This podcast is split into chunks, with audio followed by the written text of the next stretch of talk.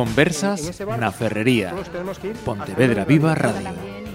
Eh, clubes importantísimos, federación importantísimo. Saludos, arrancamos estas eh, conversas na Ferrería mirando a hace una década, nada más y, y- y nada menos. Y es que hace 10 años el Concello de Pontevedra tomaba la decisión de mm, prohibir el llamado botellón en el centro histórico. En aquel momento se había habilitado en el recinto ferial un espacio al que popularmente vinimos a denominar botellódromo. Eh, hablamos hoy en estas conversas na Ferrería de aquella decisión, eh, por qué se tomó, cómo se tomó, cómo era la situación de los vecinos entonces y ahora, qué hacían los chavales antes y qué hacen eh, ahora. Y para abordar la cuestión eh, me acompaña Guillerme Vázquez, que en aquel momento era el concejal responsable de Seguridad eh, Ciudadana.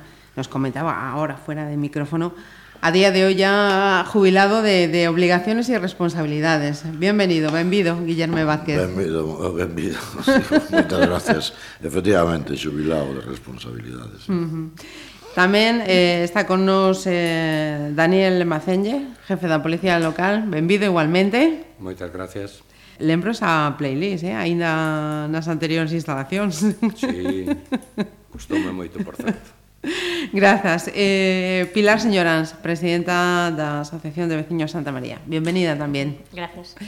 Eh, se, eras eh, presidenta en aquel momento y todavía sigues siéndolo a día de hoy. ¿Tú no, no te has jubilado de esas responsabilidades? Pues no, esas, esas responsabilidades no remuneradas normalmente casi no se jubila uno nunca porque nadie los quiere. Su- suele pasar, suele pasar. Eh, entramos entonces en, en cuestión, si, si os parece. Ese problema que había en ese, en ese momento tenía varias consecuencias colaterales o suponía eh, un problema con, con, varias ramificaciones. No estábamos hablando de un problema de, de salud, de seguridad, de convivencia, de limpieza de, de, de ese espacio, de imagen de, del centro histórico. ¿Cómo eh, se plantexou a problemática eh, daquela, Guillerme? Pois a mí me parece que dunha maneira bastante sinxela, non? O que era obxectivo é que había un grupo importante de veciños que soportaban as consecuencias dun modo de relacionarse en aquel momento pois eh, moi numeroso de xóvenes, en fin, de, de mozos e mozas, efectivamente que establecían ese modelo de convivencia a través da, bueno, pues da, da presencia no, no campiño de Santa María, pues consumindo ou non bebidas alcohólicas, porque no, efectivamente non todo o mundo eh, o facía, no? En calquer caso había un programa de convivencia e, e eu, desde logo, cheguei á conclusión de que os veciños e veciñas teñan, tiñan dereito a vivir en paz, por decirlo de alguna maneira, a vivir con, con, con dignidad, non ter que soportar as consecuencias da presencia numerosa e nocturna de tal grupo de xente. Bueno, a partir de aí, eh, eu xa no primeiro mandato empezamos a, bueno, empecé e empezamos a facer uns traballos exploratorios, eh, fomos a ver que solucións se estaba dando en outras cidades, ahora nos desplazamos, eh, buscamos ordenanzas eh, e normativas de cidades diversas galegas e do Estado, etc. etc. Bueno, Eh, feito ese traballo previo, tomamos a decisión de que este problema había que eh, solucionalo e nos optamos, obviamente, por, por la solución, por la única solución eh, posible e razonable, que visto hoxe, dez anos despois, pois sigue sendo tan, pos, tan razonable e tan posible como demostrou a realidade, non? Bueno, hai que resolver un programa de convivencia, bueno, optamos por facer unha ordenanza e por aplicala.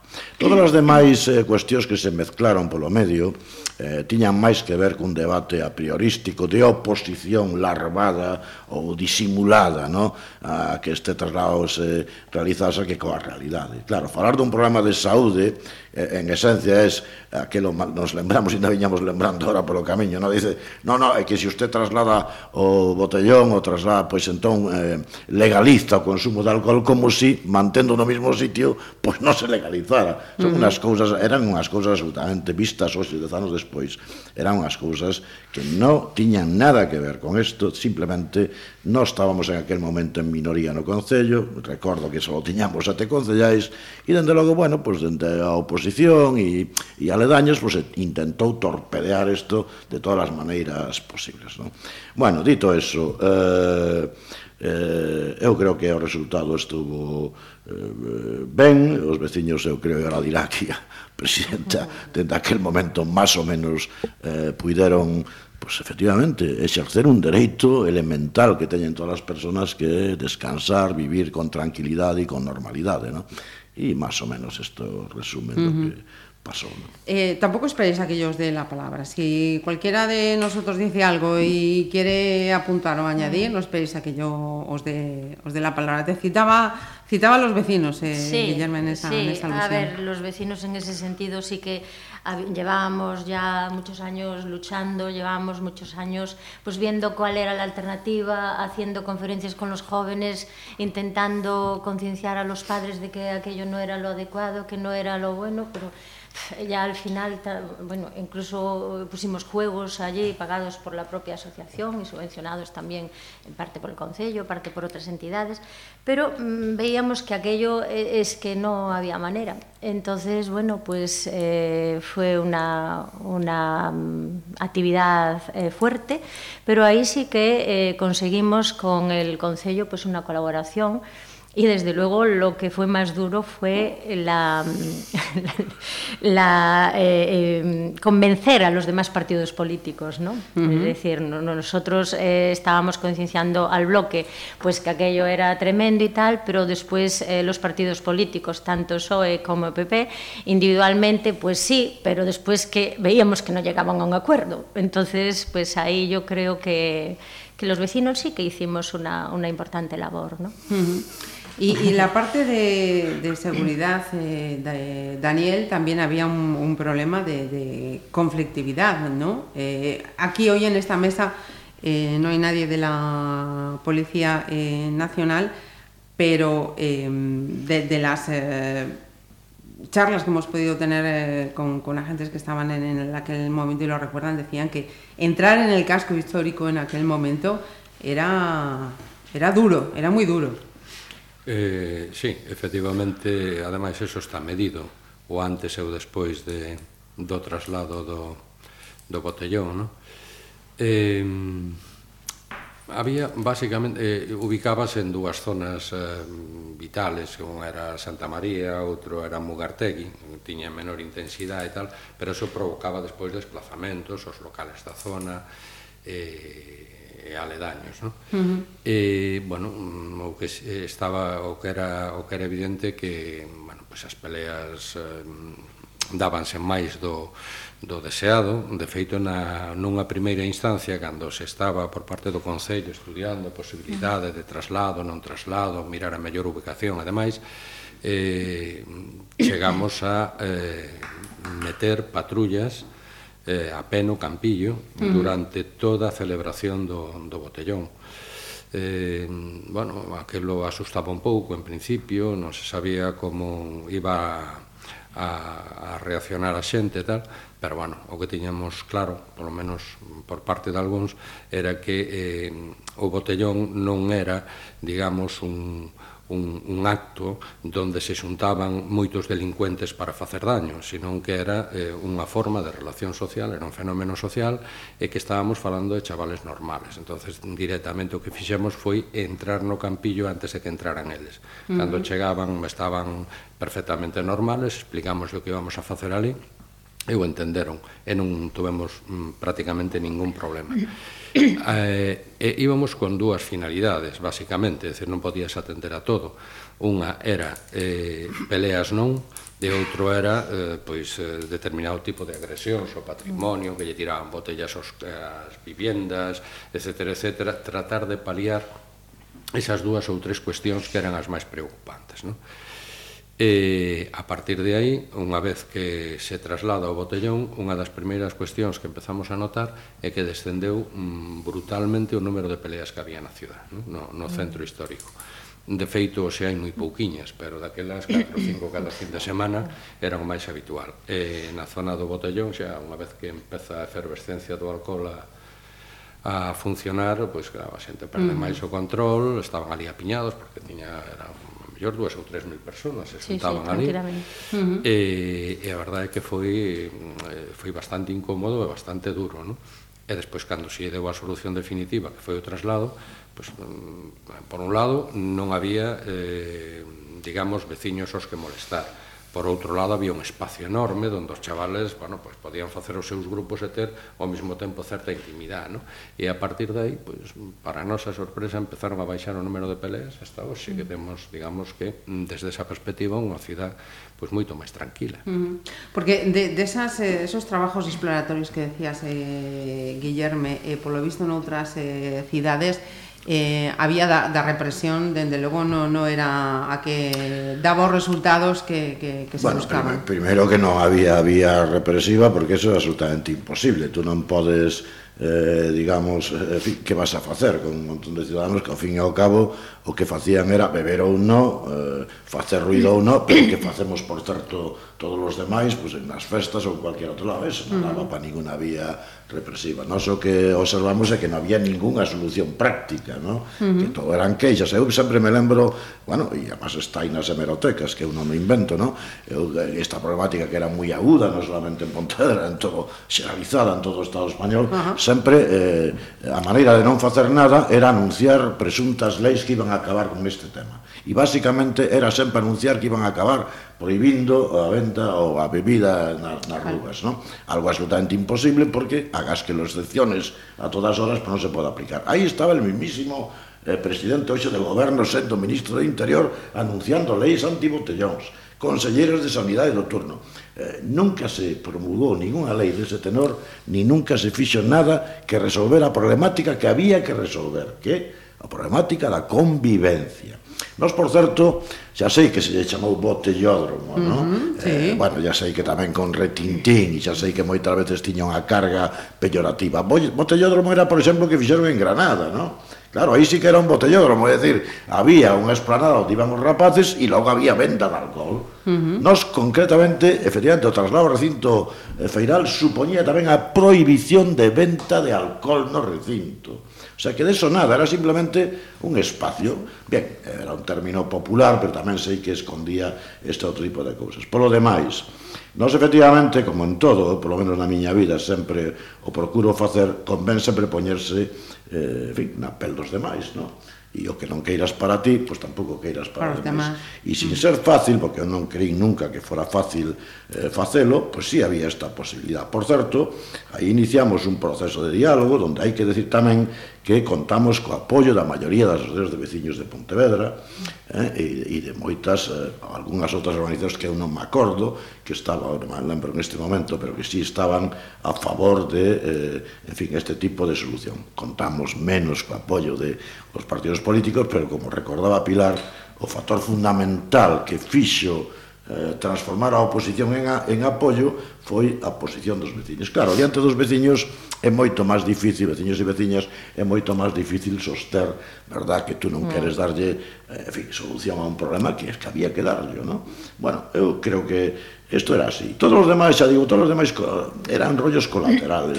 Efectivamente, toda a seguridade mellorou, como decía Daniel, pero eso non era o problema principal. Claro, eso non é o problema principal. Ali se, se dixo que se caerían aos ríos, se dixo que iban a invadir Santa Clara, se dixeron uh ah. -huh. tantas cousas, meu Deus, con tal de no aportar, en fin, Solución. non facer un grau de área. Claro, todo eran eh, debates colaterais. A realidade é que a práctica demostrou que nin os chavales eran os insensatos, nin o eran, porque allí, allí se adivinou, non se sabe que resistencias numantinas, no cual demostraron que era xente como nós estábamos convencidos, pois normal e corriente, efectivamente, donde, bueno, pois eu creo que moitos deles incluso, estou convencido tamén, bueno, pois atoparon que a solución lles permitía seguir facendo o que querían facer, ese modo de relación, sin molestar a ninguén, con lo cual estarían eles mismos encantados, porque eu tampouco creo porque, bueno, cando un bebe xa se sabe, non, verdad? Uh -huh. Que perde un pouco a cabeza, pero non creo que nadie fora, fico que a idea previa vamos a ir a molestar no? non? Uh -huh. Con lo cual, uh -huh. eu partía tamén desa tesi, partíamos, cando estábamos falando de que os rapaces eran moito máis razonables, que moitos adultos ou moitas posicións mediáticas que en aquel momento había. ¿no? Uh -huh. Por tanto, esa eh, eh, resistencia ou oposición ou, ou críticas eh, estaban máis eh, de parte dos medios de comunicación e da parte política que, que das partes implicadas mesmas nesa, nesta problemática. Pois pues eu creo que si repasas... Mira, outro día, cando me avisache desde este... Eh, en fin, de que iba a vir a este programa, desempolvei as miñas eh, carpetas. Eu non me invento nada. Uh -huh. Claro, eu cando releía o que en aquel momento se estaba dicindo, xa en aquel momento me poñía os pelos de punta, pero ahora me los pone eh, rizados, ¿no? Ali se dixo absolutamente de todo, de todo todas as barbaridades habidas e eu digo con respeto, todo, porque xa digo, no fondo o que había era simplemente eh, pues unha oposición e entón se disfrazaba do que ti queiras de problema de saúde, de, volvo a decir, o sea, el debate del alcohol, claro, é decir, no, no, e a nós nos me, intentaban poñer contra as cordas pues nada menos que facéndonos responsables de que si tú lo trasladabas, tú que estabas facendo nada menos que era legalizar la bebida de los menores. Bueno, unas barbaridades, como si os menores, esos mismos menores, no estuvieran bebendo. Bueno, es lo mismo que decir que legalizar bares, pois, pues, eh, digo que abrir bares é legalizar o consumo de alcohol, yo que sé. Mm. Era Otras... unha oposición a eso, e mm. a mediática e a cabo está escrito. Non mm. recordo o que se decía polas ondas, si, re, si lembrei o que estaba escrito e está aí, non? Uh -huh. a, a radios podemos retractarnos tamén, eh? A, a día de hoxe está internet e tamén se poden recuperar. bueno, tanto non me vou a, tanto non me vou a esforzar. No, desde luego lo que está claro es que había muchísimo interés, o interés no sé, pero que la mayoría de la gente sí que creía que los jóvenes solo iban al campillo a beber.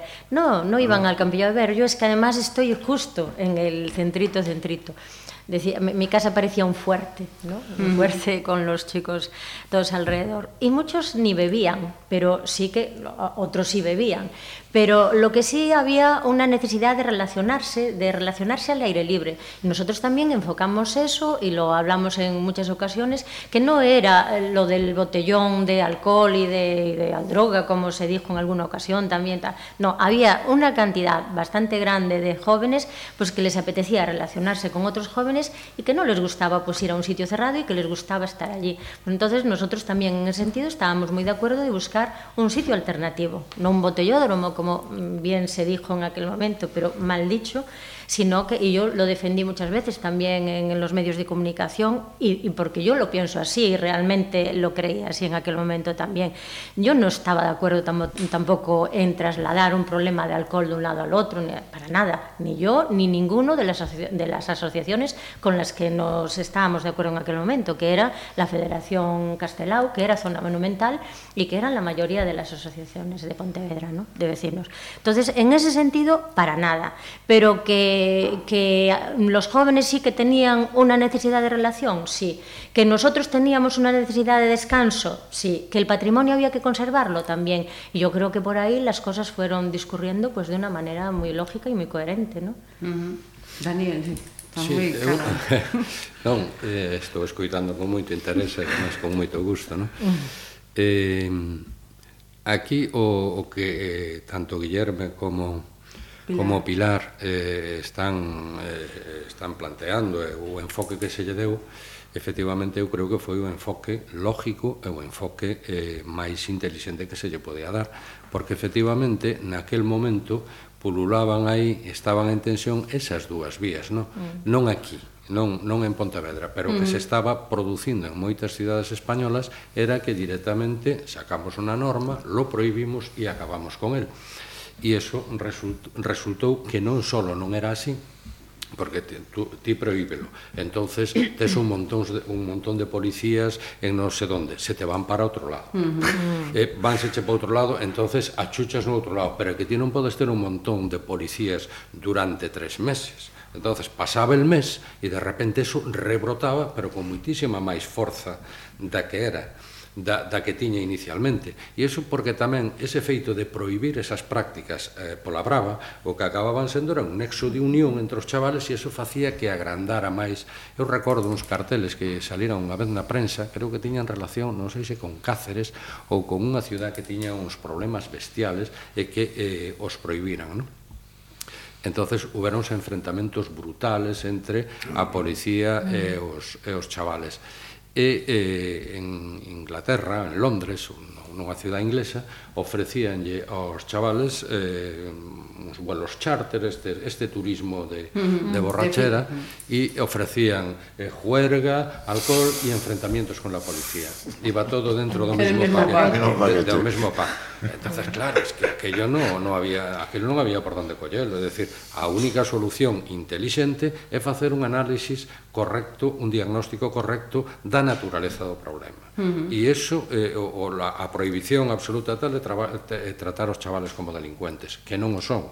Entonces, eso era outra cosa, é o que dixo Pilar, dunha forma que os chavales se utilizaban para relacionarse ao aire libre. Entonces, abrindo vías de escape, podía solucionar o problema básico da convivencia. E iso foi o, o que se fixo, de feito estábamos bastante asustados ao principio, a ver como iba a salir eh, o traslado, se, iban a, se se iba a entender ben, se non se iba a entender, se iba a haber resistencia, se non iba a haber resistencias e tal.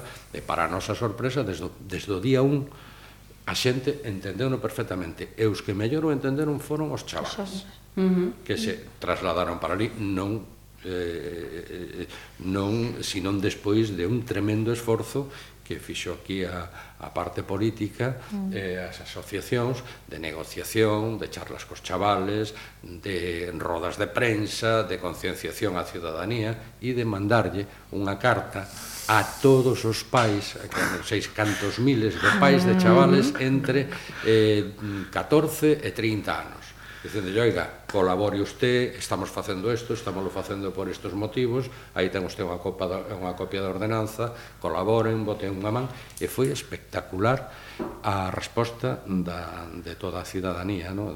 foi, foi increíble, a verdade foi unha das mellores cousas que se fixeron nesta cidade desde o meu punto de vista. Sí, sí porque además foi así, pero tamén agora vou aproveitar para non deixalo no tinteiro, non? Eh, cando se tomou a decisión eh, do día concreto a, para, en fin, para proceder ao traslado dese botellón dunha maneira efectiva, hai que decir que sin o concurso da policía local e do seu xefe aquí presente, pois teríamos moitas máis dificultades. É certo que aquel día colaborou algunha patrulla da Policía Nacional, pero basicamente quen eh, puxe un dispositivo, a ver, pois efectivamente non era para reprimir nada, uh -huh. senón pois para en fin, facer efectivo que ali non se pasaba, pues foi a policía local. E iso hai que reconocelo tamén porque como sabes a policía local pues sempre se lle eh, casca por cualquier cousa e sin embargo pues foron moi importantes para que isto se pudera eh, facer. Pero é certo que agora me lembra o que di Daniel que si sí, hubo unha campaña eh, previa moi importante de concienciación e eu xa digo, eu lembro, sí que lembro aquelas eh, reunións que tiñamos donde sí que todos estábamos convencidos de que vamos que os rapaces e as rapazas no vamos no era en fin no eran una panda de, de, de, de insensatos insensatas no? Eso está e así al final resultou porque tamén un repasa aquela noite e prácticamente non hubo ni un incidente, o cual que podía habelos, porque sempre pode haber algún grupo, pero, no, no, é curioso, saldouse aquela noite sin sin, vamos, sí, sin, basicamente sin, que se fixo foi sellar todas as entradas dos sitios tal, eh, os chavales que chegaban se dicen, mira, está prohibido, uh -huh. non se pode facer isto aquí e, eh, se si queredes vades para outro lado e tal eh, e os chavales daban media volta e se marchaban sin ningún problema uh -huh.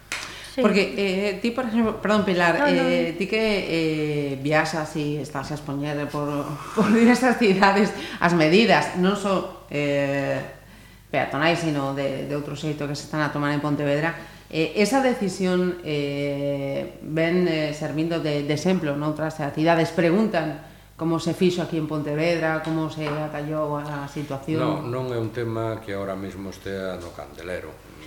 Cando se falan destas cuestións no seu día, sí.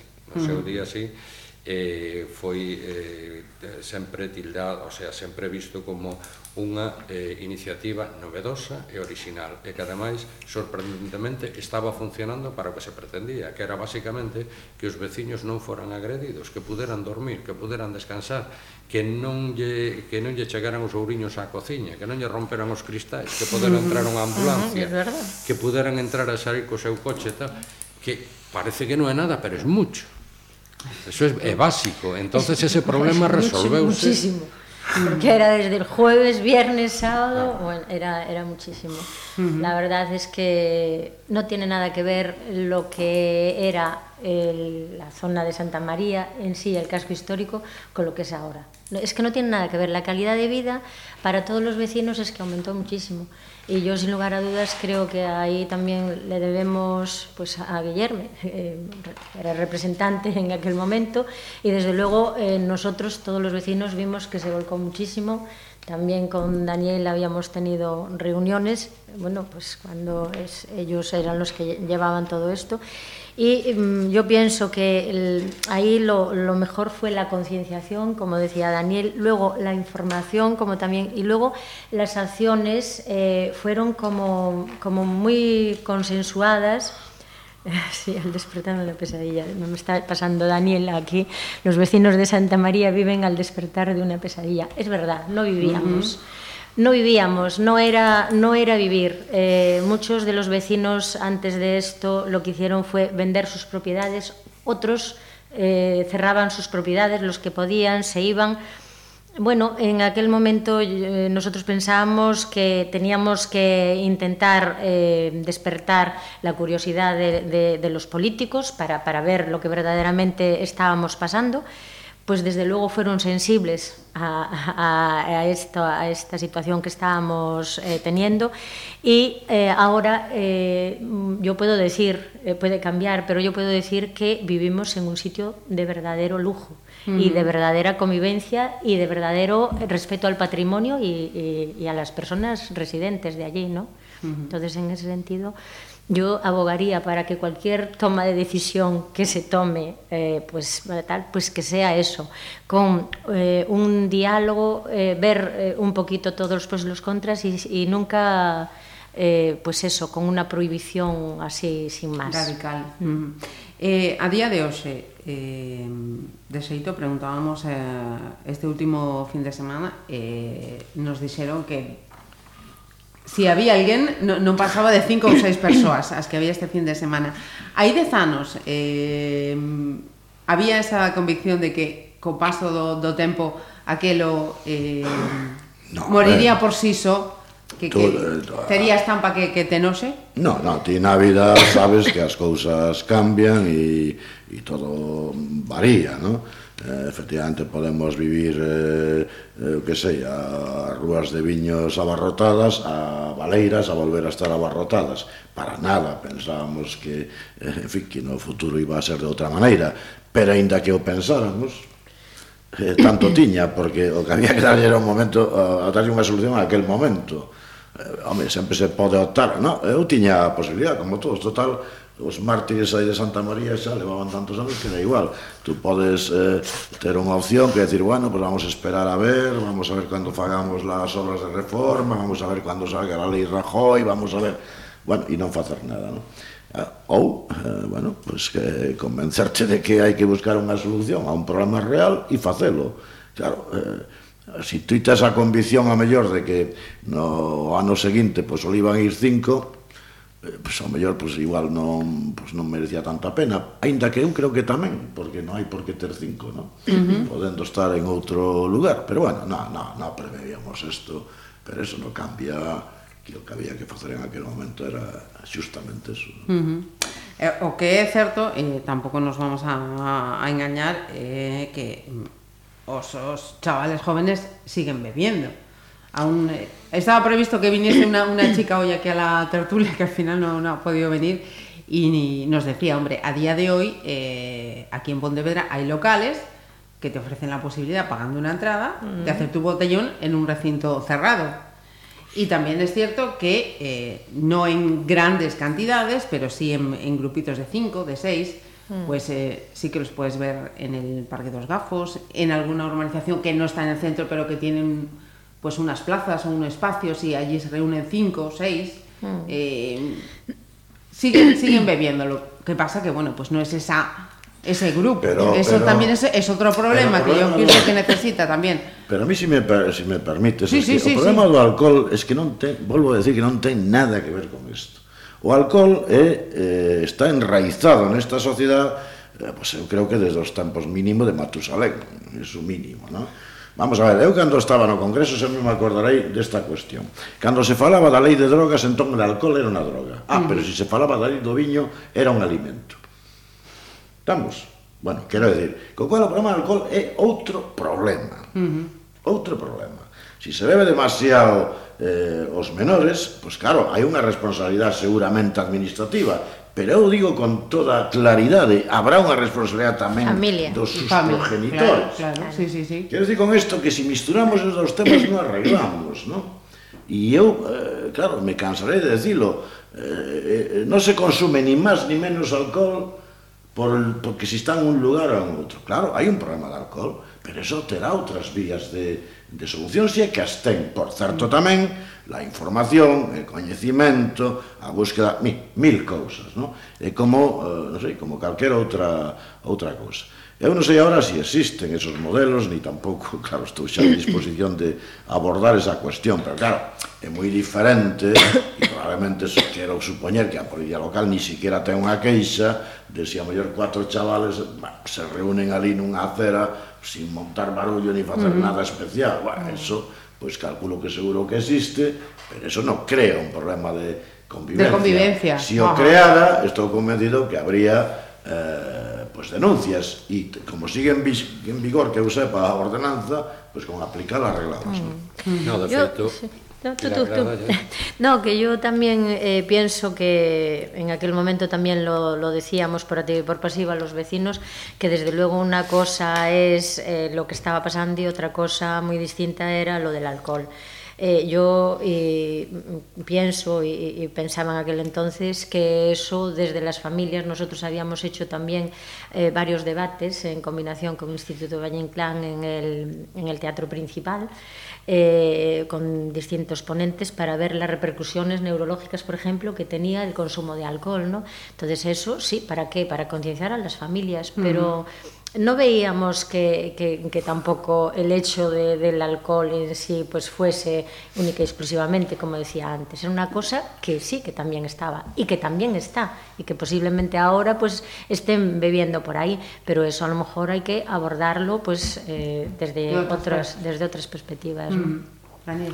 Sí, era un poquinho abondar no, no, que, no que decía Guillermo. Por un lado, eh, a día de hoxe síguense formulando denuncias contra a xente que consume bebidas en espacios públicos alterando a convivencia ciudadana.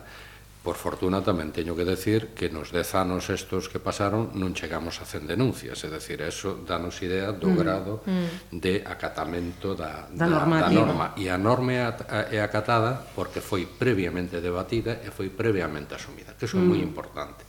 Mm. Cando as normas impoñen e non teñen en conta a realidade social na que, na que as vas a aplicar, aí é onde nos encontramos cos, cos problemas de, de resistencia. E despois, eh, ese diagnóstico do botellón como fenómeno de relación, obviamente, as relacións, así como van avanzando os anos, tamén van cambiando. É dicir, eh, non é o mismo o que facía eu a, cando era un chaval co que facías ti, que tes bastantes menos anos que a min, que o que fan os, que o que fan os chavales de agora, seguro que sí. Que o que fan os chavales de agora. E, e bueno, por fortuna, o que se ve que nos espacios públicos daquelas 3000 personas que, que, que asistían ao botellón fai dez anos, ahora mismo en condicións normales non superan os 100 os sábados, os venres non hai ninguén uh -huh. e despois hai así un par de veces ou tres o ano onde te das conta que pasou aquí e aparecen 2000 pero iso é eh, en unhas épocas moi concretas que teñen que ver co calendario universitario, a feira franca, con mm. algunhas cuestións dese tipo, pero son dúas ou tres veces o ano. E iso eh, eu creo que se está producindo na maioría das cidades, mm. é dicir, agora a xente relacionase de outra maneira uh -huh. non nos espacios públicos ao redor da botella, non? creo. Por lo menos mm, na zona onde eu vivo e aquí en Pontevedra noto. e despois, claro, é decir, a xente sigue efectivamente bebendo mm, na medida que o que lle permiten ou que ou que quere eh, en outros espacios, claro. Non, porque o alcohol é que, eh, que temos que chegar a unha conclusión máis alá dos problemas de saúde que é evidente que os ten. O alcohol está enraizado, é consustancial sí, sí, sí. con esta sociedade. Sen dúbida, non, non se bebe no seno da familia, non se bebe no bar, sí. non se bebe en todas as festas, es que ese é es o problema. E logo as repercusións que ese consumo de alcohol excesivo provoque bueno, pois pues hai que abordalo, é un problema diferente, eu comparto que, que eso, bueno, a, en fin, ahora xa, por exemplo, para que non bebamos moito cando conducindo, pois pues, xa nos meten unhas multas estupendas, mm. que non sei se é un problema de, eh, eh non sei se é unha vía moi sanitaria, pero reduce el consumo sí. de alcohol, no? bueno, que decir con esto... lo que, lo que va al bolsillo... Que, que o debate se, do alcohol non, ten, eh, non é o debate, non era, e eu creo que sigue sin ser, non? E claro, é unha sociedade que consuma alcohol, sí, señor, uh -huh. pero produce alcohol. Claro, eh, pero non é eh, a, a sociedade española, e vende galega. Alcohol. Claro, é, de, é que Alemania se bebe moito alcohol, en Suiza e en Luxemburgo e se bebe moito alcohol, claro. Uh -huh. eh, bueno, pois pues, aínda non hubo autoridade, en fin, en fin, eh, que conseguira eh, que eso ser, mm, en fin, que, que non sí, que afectara a saúde dos cidadáns. Uh -huh. Claro, e despois eh, volvo a decir, moitas veces falamos mm, sin darnos conta que hai intereses moi contrapostos e a veces intereses económicos moi contrapostos, claro. Porque efectivamente el no consumo de alcohol, eh, pues nada, nada, efectivamente, ni viñedos, ni bodegas, ni no se sabe qué, ni bares, ni... A ver, entón seamos sensatos, os problemas de saúde pues, se enfocarán desde o punto de vista sanitario, eh, que é como hai que enfocalos, e sin rasgarse as vestiduras porque como dixo aquel, el que esté libre de pecado que tire, que tire a primeira, piedra, ¿no? E eu, desde logo, non o estou. Uh -huh. Non sei os demais que son máis santos que a min, pero eu non o estou. Claro, con eso que quero decir é que, en fin, outro debate, e o dos menores, que é un problema máis tal, pois, pues, pues, a ver, aí teñen, e hai que decilo con... Hai que decilo, eh, teñen unha responsabilidade moi importante os pais desos menores. Uh -huh. eh, ora, as cousas son así, non? Uh -huh. eh, e antes de, de, de rematar, eh, Daniel, do que eh, decías de 3, 4 días e eh, ono non podía pasar tamén esta charla sin, sin preguntar. Unha cuestión que xurde sempre no mes de agosto. Por que non se proíbe tamén eh, o consumo nesos dous fins de semana de, de agosto? Bueno, non sei se non sería mellor que che contestara Pilar. Pero, estamos, ver, en, eh, estamos en A hilo. cuestión é diversa, o sea, eh, ten unha naturaleza distinta e non é eh, realmente non é o botellón. É uh -huh. dicir, aí volvemos outra vez a relacións en torno ao alcohol en unha época determinada en unha festa determinada, uh -huh. pero podíamos preguntarnos por que non se proíbe nos San Fermíns, ou por que non se proíbe na festa da agua, ou por que non se proíbe eh, en outros en outros en outros ámbitos, non? Eh, é certamente complexo e sobre todo é moi difícil de de efectivizar calquer medida eh, prohibicionista nese, nese sentido, non? entonces bueno, eso mm, bueno, sí, eh, é unha actividade molesta, Pilar eh, no molesta, efectivamente no. está está preocupada con eso, pero bueno, tamén dito eso, tamén decimos que son dous fins de semana o ano, e que, en fin, que, que, que se vai levando, non? Pero non é o botellón, eso mm. non é, eso é, pois, eso, unha festa, os chavales relacionas en torno ao alcohol, o mismo que pasa en 70.000 festas que temos por aquí. Sí, o que decía Guillermo, na cultura claro, deste país. Se, se mm. proíben todas esas festas, pois, a ver como... É difícil, é moi complicado. Mm. Pois, eh, non sei se queredes engadir Algo máis, como, no, como apunte, o, como esbozo, como no, exemplo... Para min que o tempo pasa demasiado rápido, eu, porque chamacheles vos, pero ni me... Ni, non era consciente ni por asomo que hai dez anos andábamos... Con aquela... Con esta guerra, ¿no? En fin, uh -huh. curioso, pero non, que va. Pois, eh, Guillerme, Pilar, Daniel, moitísimas grazas por estaros eh, con nós. Pues Gracias, Gracias a vos. Que fueron los que empezaron a Juan del Álamo con la familia.